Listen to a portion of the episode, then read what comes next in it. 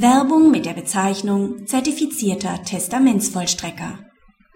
Ein Berufsträger, der bisher lediglich zwei Testamentsvollstreckungen durchgeführt hat, darf sich weder als Testamentsvollstrecker noch als zertifizierter Testamentsvollstrecker bezeichnen. Ein Anwalt firmiert auf dem Briefkopf seiner Kanzlei als zertifizierter Testamentsvollstrecker.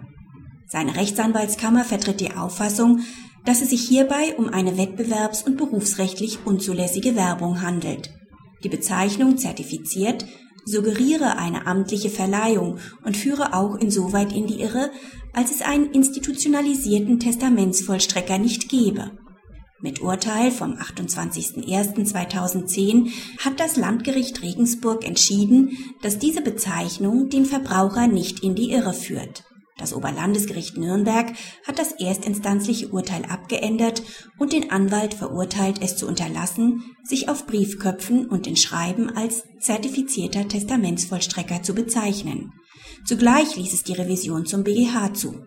Das Oberlandesgericht entschied, dass die Werbung mit der Bezeichnung als zertifizierter Testamentsvollstrecker unsachlich ist, da sie beim Verbraucher Vorstellungen über eine Qualifizierung des Anwalts weckt, die dieser nicht erfüllt. Bei Berufsträgern, die sich mit dieser Bezeichnung präsentieren, erwartet ein Verbraucher, dass diese zumindest regelmäßig als Testamentsvollstrecker tätig werden. Dies ist hier allerdings nicht der Fall gewesen, da der Anwalt nach eigenen Angaben bisher lediglich zweimal als Testamentsvollstrecker tätig gewesen ist.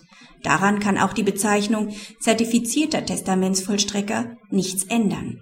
Der Verbraucher wird diese Zertifizierung ohne nähere Erläuterung nicht dahingehend verstehen, dass hier jemandem ein Zertifikat erteilt worden ist, der nach den Richtlinien des Zertifizierers keine einzige Testamentsvollstreckung durchgeführt haben muss.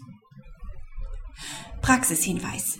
Dass es für die Verwendung der Bezeichnung als Mediator ausreicht, dass man durch eine geregelte Ausbildung nachweisen kann, die Grundsätze der Mediation zu beherrschen, steht der vom Oberlandesgericht Nürnberg vertretenen Auffassung nicht entgegen. Da die Mediation kein Rechtsgebiet ist, sondern vielmehr eine alternative Methode der Konfliktlösung bietet, ist es ausreichend, wenn jemand durch eine geregelte Ausbildung nachweisen kann, die Grundsätze der Mediation zu beherrschen. Dementsprechend fordert 7a Bora auch lediglich, dass sich als Mediator bezeichnen darf, wer durch geeignete Ausbildung nachweisen kann, dass er die Grundzüge des Mediationsverfahrens beherrscht